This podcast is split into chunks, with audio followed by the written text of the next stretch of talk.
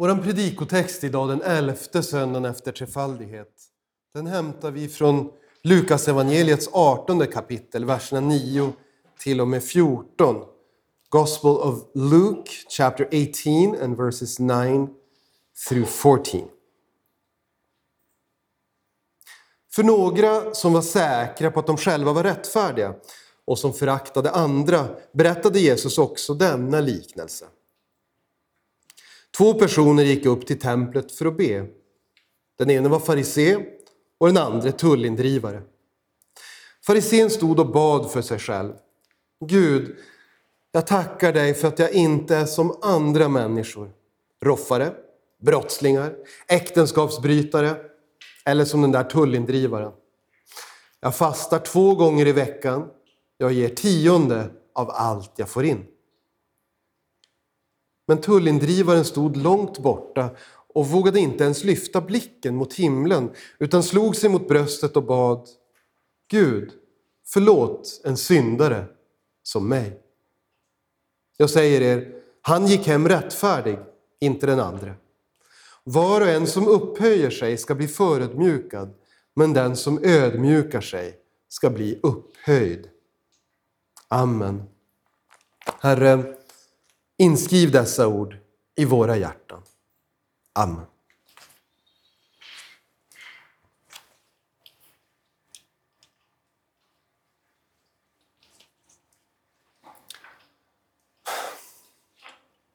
Skyldig eller oskyldig? Ibland kan man ställas inför den frågan. Man kanske blir anklagad för något och så måste man fundera på, har jag gjort fel eller har jag gjort rätt? Om man har gjort fel, handlade jag i god tro? En sån där vardaglig grej kan väl vara kanske man får en parkeringsbot och så tänker man, går det att överklaga den här? Finns det någon otydlighet med skyltarna? Har jag någon anledning att säga att jag är oskyldig? I Bibeln så framställs frågan om skuld och oskuld på ett sätt som påminner om en rättssal. Det finns en anklagad, det finns en åklagare, det finns en försvarsadvokat och så finns det en domare. Vi vet vem åklagaren är, det är djävulen som vill anklaga oss. Och ofta, hörni, så har han bra på fötterna när han attackerar oss och anklagar oss. Han har bra minne. Han kan räkna upp en massa saker som vi har tänkt. Nej, det ska jag säga att han inte kan. Massa saker vi har sagt och gjort. Sen har vi en domare. Ofta beskrivs det som Fadern, trots att när Jesus kommer tillbaka ska han döma hela världen. Så vi kan nog säga att det är Gud som är domaren i rättssalen. Men vi har också en försvarsadvokat, en medlare, och det är Jesus Kristus själv. En fråga som människor ställer sig, inte bara kristna, utan alla som tänker sig en tillvaro efter döden. Det är, vem är rättfärdig? Inför Gud, eller kosmos, eller världsalltet, eller vad man nu tror på. Vem har gjort tillräckligt? Och det är det som dagens text handlar om. Vem är rättfärdig inför Gud? Det är den frågan vi ska ställa oss. Jesus berättar en liknelse för att försöka förklara det här, beskriva det. Och då så tar han två exempel. Det här är en liknelse, så det är två påhittade exempel. Han har en farisé och han har en skatteindrivare. Publikan stod det förut i bibelöversättningen. Publikan. Vad har de för självbild? Vi börjar där. Hur ser de på sig själva? Jesus börjar med farisén.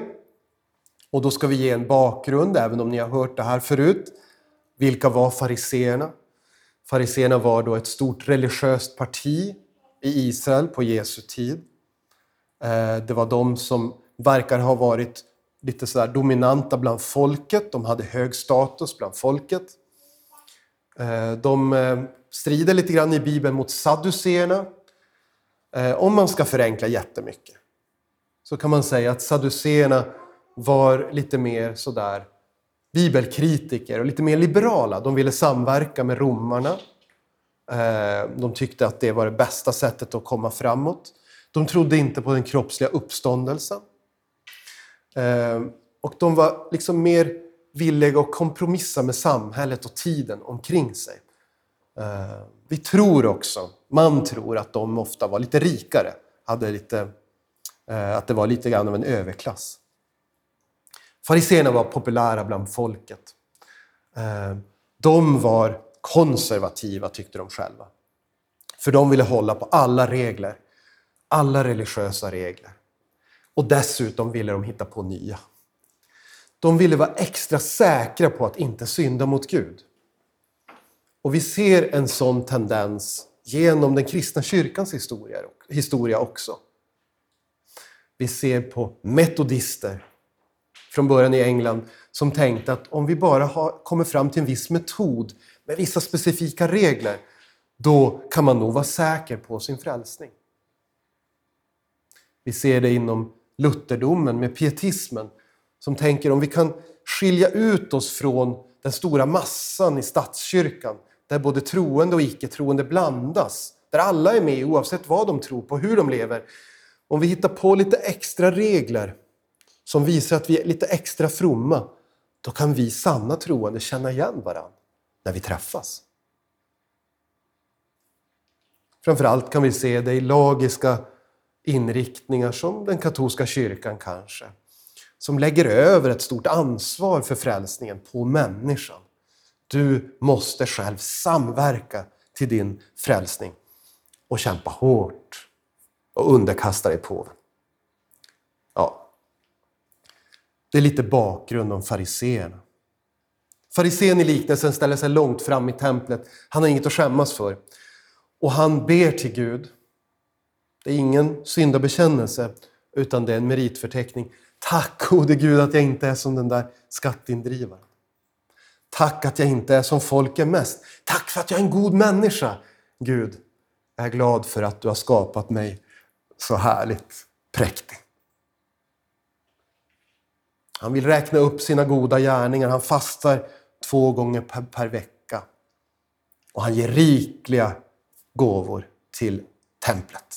Han ger mycket i kollekt. Han följer reglerna, säger han, och så gör han lite extra bara för att kunna vila tryggt på natten.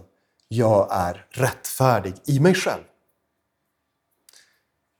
Självrättfärdigheten är det som Jesus ständigt strider med fariseerna om. Han återkommer till det och vi hörde det både i vår evangelietext idag och i vår predikotext. Den som upphöjer sig själv ska bli förödmjukad, men den som ödmjukar sig själv ska bli upphöjd, säger Jesus. Men självrättfärdigheten, hörni, den dog ju inte ut med fariseerna. Hur ser den ut idag? Hur ser den ut hos oss? Jag kanske tänker att min självrättfärdighet är att jag tänker att jag är i alla fall kristen. Jag har ju fel och brister, men jag är i alla fall en kristen. Eller så tänker jag, jag går ju i kyrkan. Jag visar ju Gud att jag är på riktigt. Jag svär inte. Ja, kanske någon gång att det händer, men, men i princip, jag svär inte. Jag har inte begått otukt, synd. Vi kan också, om vi vill, kanske ställa upp sådana här eh, meritförteckningar. De kanske skulle se olika ut för olika personer. Men vi har väl saker kanske som vi tänker, jag har i alla fall det här som jag kan visa upp inför Herren. Sen har vi skatteindrivaren, eller publikanen som det hette förr.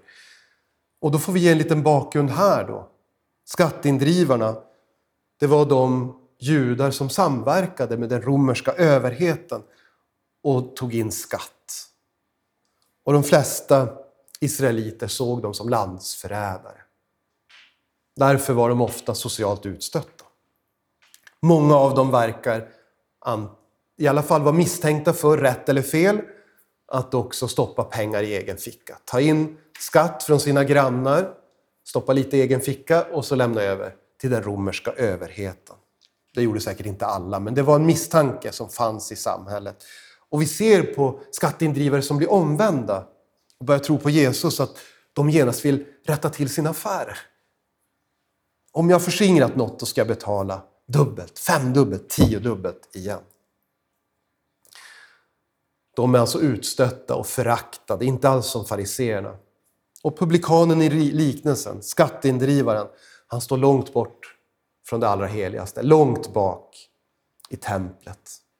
Jag vet inte om det är den här liknelsen som gör att det är så trångt på de bakersta bänkraderna.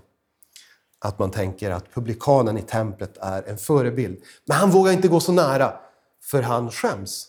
Han vågar inte ens titta upp.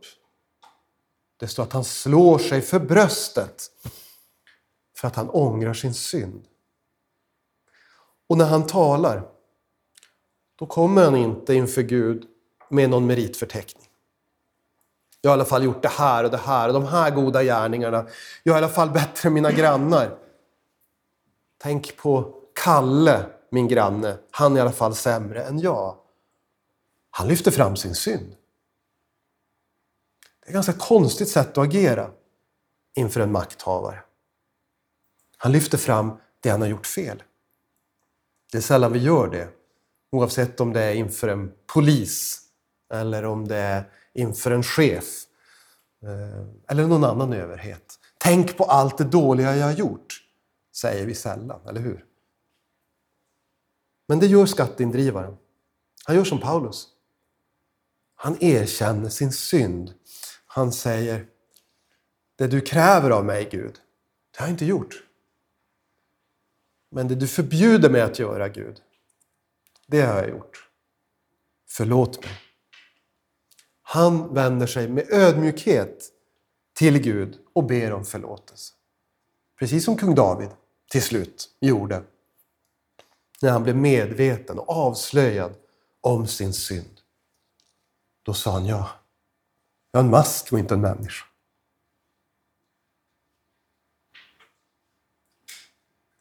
Han vände sig ödmjukt till Herren.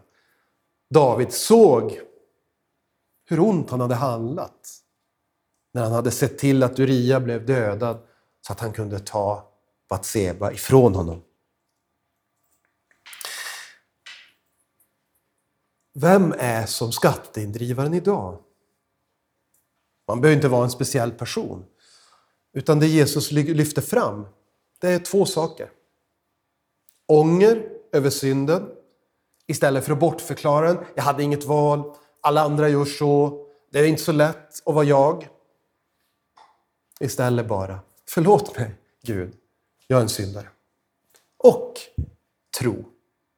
Ånger och tro. Om vi har tro på Gud utan ånger över vår e-, egen synd, säger Bibeln, då bedrar vi oss själva om vi tror att vi inte tillhör dem som behöver förlåtelse. Det är en skev, felaktig självbild som farisén i dagens liknelse. Om vi bara ånger men saknar tro, då lever vi i en sorts lagreligion. Då hänger det på mig att frälsa mig själv. Då är det inte längre kristendom. Då är det någonting annat. Då kan det vara vilken hednisk religion som helst, som alla handlar om att blidka Gud, att göra honom vänligt sinnad, att få honom att acceptera mig som jag är. Ånger och tro, det är vad vi behöver. Så långt om deras självbild. Hur ser de på andra? Vi har redan sagt det, att farisén föraktar andra som inte är lika goda som han. De som har lägre status i samhället kanske. Eller de som är värre syndare. Vi kan också tänka så, det finns de som är värre syndare än vi, eller hur? Jag vet inte, men jag tror ingen här har begått något väpnat rån. Ingen kanske finns listad hos polisen. Den här personen får vi se upp med. Vi kan räkna upp många synder kanske som vi inte har utfört. I alla fall om vi ser på ytan och inte läser Jesu bergspredikan där han fokuserar på hjärtats inställning istället för yttre handlingar. Vi har alla en liten farisé inom oss som vill lyfta fram att andra är sämre. Ibland kanske vi kan känna en tillfredsställelse i att vi i alla fall inte så där som Svenska kyrkan. Vi förnekar inte Bibeln i alla fall. Vi kastar inte ut trosbekännelsen. Vi byter inte ut nattvardsorden eller, eller dop, dophandlingens heliga ord. Det är bra. Men vi blir inte bättre för att någon annan är sämre. Det kan inte vara så att vi kommer inför Gud och säger tack för att vi i LBK inte är som de i Svenska kyrkan. Och tänker att nu är Gud nöjd med oss. Men vi kan ju be för omvändelse. Vi kanske ser på våra grannar och ser ner på dem. De kanske dricker alldeles för mycket. Det kanske ofta är högljudda fester hemma hos dem. Eller de kanske är allmänt slafsiga. Det går att hitta, kanske också i kyrkan, människor som vi tycker inte riktigt är lika bra som vi. Verkar inte lika from som jag. Vilket språkbruk hon eller han för sig. De har inte så bra koll på sina barn som vi har. Alltså där kan man frestas att tänka. Men skatteindrivaren, publikanen, han talar inte om andra alls. Utan han talar om sig själv. Han jämför sig inte med andra, utan han jämför sig med Guds lag. Och sån ska vår syndabekännelse också vara. Inte jämförelse med andra, kanske värre syndare, utan i jämförelse med Jesus och hans heliga liv. Så långt hur de ser på andra, men hur ser Gud på dem? Vem är rättfärdig inför Gud? Det vet ni redan. Men vi ska tala om det i alla fall. Den ene är stolt. Och Gud talar om att han ska förödmjukas. Den här stoltheten kommer inte att bestå. Inför Guds tron så hjälper det inte att komma med en lista på gåvor man har skänkt. Eller att man har källsorterat sina sopor. Eller hjälpt de fattiga. Det handlar inte om att Gud vill hämnas på farisén och de som tänker som han. Utan det är ett naturligt resultat. Om vi vill att Gud ska pröva oss utifrån våra liv, hur vi har levt dem, då kommer vi att vara otillräckliga. Om vi ställer oss inför Gud och säger Se på mitt liv och säg vad du tycker. Då kommer han att göra det. Och alla som står utanför nåden står i den positionen. Gud ska döma dem utifrån deras tankar, ord och handlingar. Men den andra i liknelsen, han är ödmjuk och nedslagen. Han ska upphöjas, säger Jesus. Och det betyder inte, för det har en del tänkt sådär, Alltså en god kristen är alltid nedslagen och djupt nerböjd och slår sig för bröstet över sin synd. Då är man riktigt from. Om ången är så stark så att alla ser att man verkligen mår dåligt. Det är inte det Gud vill. Gud vill lyfta av den bördan, eller hur? Men den som kommer inför Gud med en syndabekännelse och en tro på Jesus får inte lön efter förtjänst. Utan ett naturligt resultat av att tro på Jesus, det är att Gud när han tittar på dig ser Jesus syndfria liv. Allt det som du borde ha gjort, men inte gjorde, det gjorde Jesus åt dig. Allt det du gjorde som du inte borde ha gjort, det straffet tog Jesus på sig på korset. Ett naturligt resultat av att tro på Jesus, det är att vi är rättfärdiga inför Gud. Rättfärdig förklarade. Vi kommer tillbaks till den här domstolssalen. Att vara rättfärdig förklarad, är att vara frikänd. Det är liksom en juridisk term på grekiska. Det är inte så att vi har blivit gjorda rättfärdiga, att vi kan se här i livet att om vi bara kämpar med vårt kristna liv tillräckligt länge så kommer vi till slut att vara rättfärdiga. Människor kommer att se en liten sån här ljusring, en gloria över våra huvuden. Och när vi kommer in i ett rum så låter det. Ah. Nej. Eller hur? Utan hur länge vi än lever och hur mycket vi än tänker på att följa Guds lag, vilket vi ska göra av tacksamhet, så kommer vi ändå att se brister hos oss själva. Vi blir aldrig gjorda rättfärdiga, men förklarade rättfärdiga. Det är ingen process som tar ett visst antal år, utan det är ett domsutlåtande, ett frikännande för Jesu skull. Paulus, han gick kan man säga från att vara farisé, han säger själv, av alla fariseer, jag var den mest fariseiska av alla. Han var så helhjärtad i hur jag ivrade för lagen.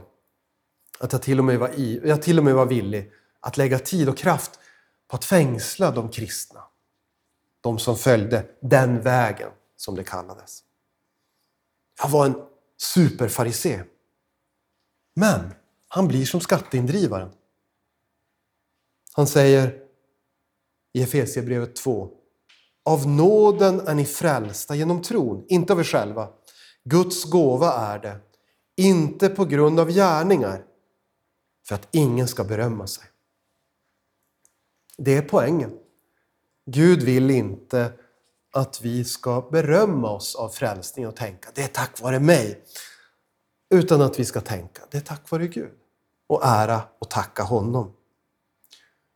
Och då kan man tycka, är inte det lite snålt? Kunde vi inte få ha lite, lite stolthet sådär? Är inte det bra? Syftet är dels att Gud ska ha äran, men också att vi ska kunna ha frälsningsvisshet. Jag berättade det här förut, men på ett eh, skidläger för 35 år sedan så var det en pastor som hette Lars Engqvist som sa Har ni frälsningsvisshet? Jag vet en som var med här. Och då såg vi nog lite frågande ut. Så här, vad betyder det? Om ni skulle dö i natt, sa han, kommer ni till himlen då? Är ni säkra på det? Så tittade vi så här på varandra och ingen vågade räcka upp handen. Till slut frågade han någon och då sa han, ja, jag vet inte, alltså, jag har ju gjort mycket som är fel. Och sa han, då har ni fel fokus. För det handlar inte om vad ni har gjort, eller sagt eller tänkt, utan det handlar om vad Jesus har sagt och gjort. Vi får ha frälsningsvisshet därför att den hänger på Jesus och inte på oss. Vi behöver inte lägga oss oroliga på kvällen och tänka, har jag gjort tillräckligt? På vilken sida gränsen ligger jag nu, just idag? Om jag skulle dö i natt? Utan vi kan vara säkra på att vi lever i nåden. Vi kan vara säkra på att vi lever i nåden. Och därför behöver ångern över synden inte bli så tung. För vi får lägga av oss den. Det finns mycket att oroa sig för som vi egentligen inte ska oroa oss för. Men vi får äga frälsningsvisshet.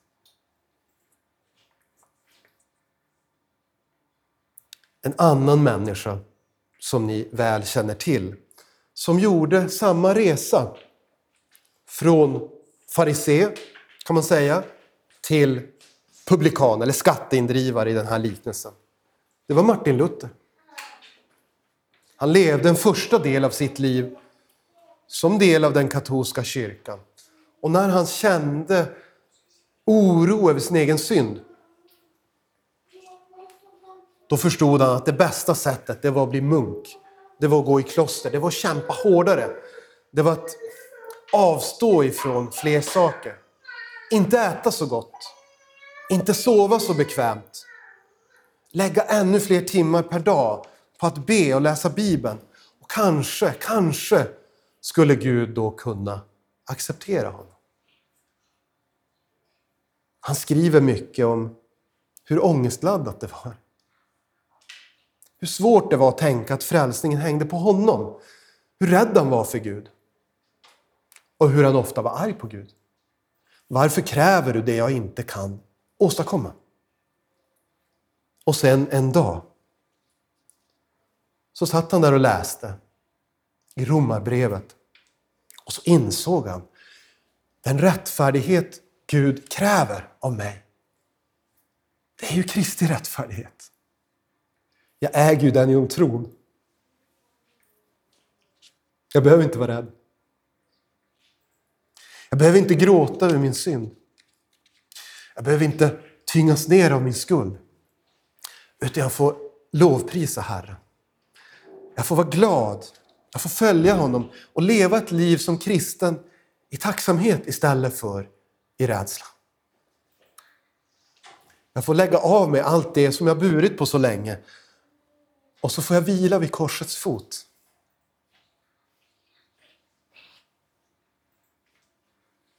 Det får vi också göra. Vi får lägga av oss allt det som tynger. Allt det som smärtar. Alla de saker som anklagar oss får vi lägga av oss hos Jesus. Och så får vi gå hem från gudstjänsten som skatteindrivaren. Rättfärdiga av tro. Amen. Låt oss be. Kära Herre Jesus Kristus, tack för din undervisning här idag. Förlåt oss för alla de gånger vi har tänkt som farisén i liknelsen. Då vi har tänkt att vi är nog ändå lite bättre än andra, i alla fall på vissa områden. Och att du nog borde vara nöjd med oss på grund av det vi gör. Tack för att vi inte behöver fastna i skuld eller skam utan får lägga av oss alla synder vid din fot. Tack för att du bär våra bördor. Tack för att du har levt det syndfria livet i vårt ställe. Tack för att du har dött för våra synder. Tack för att vi får vara rättfärdigt förklarade som vi är.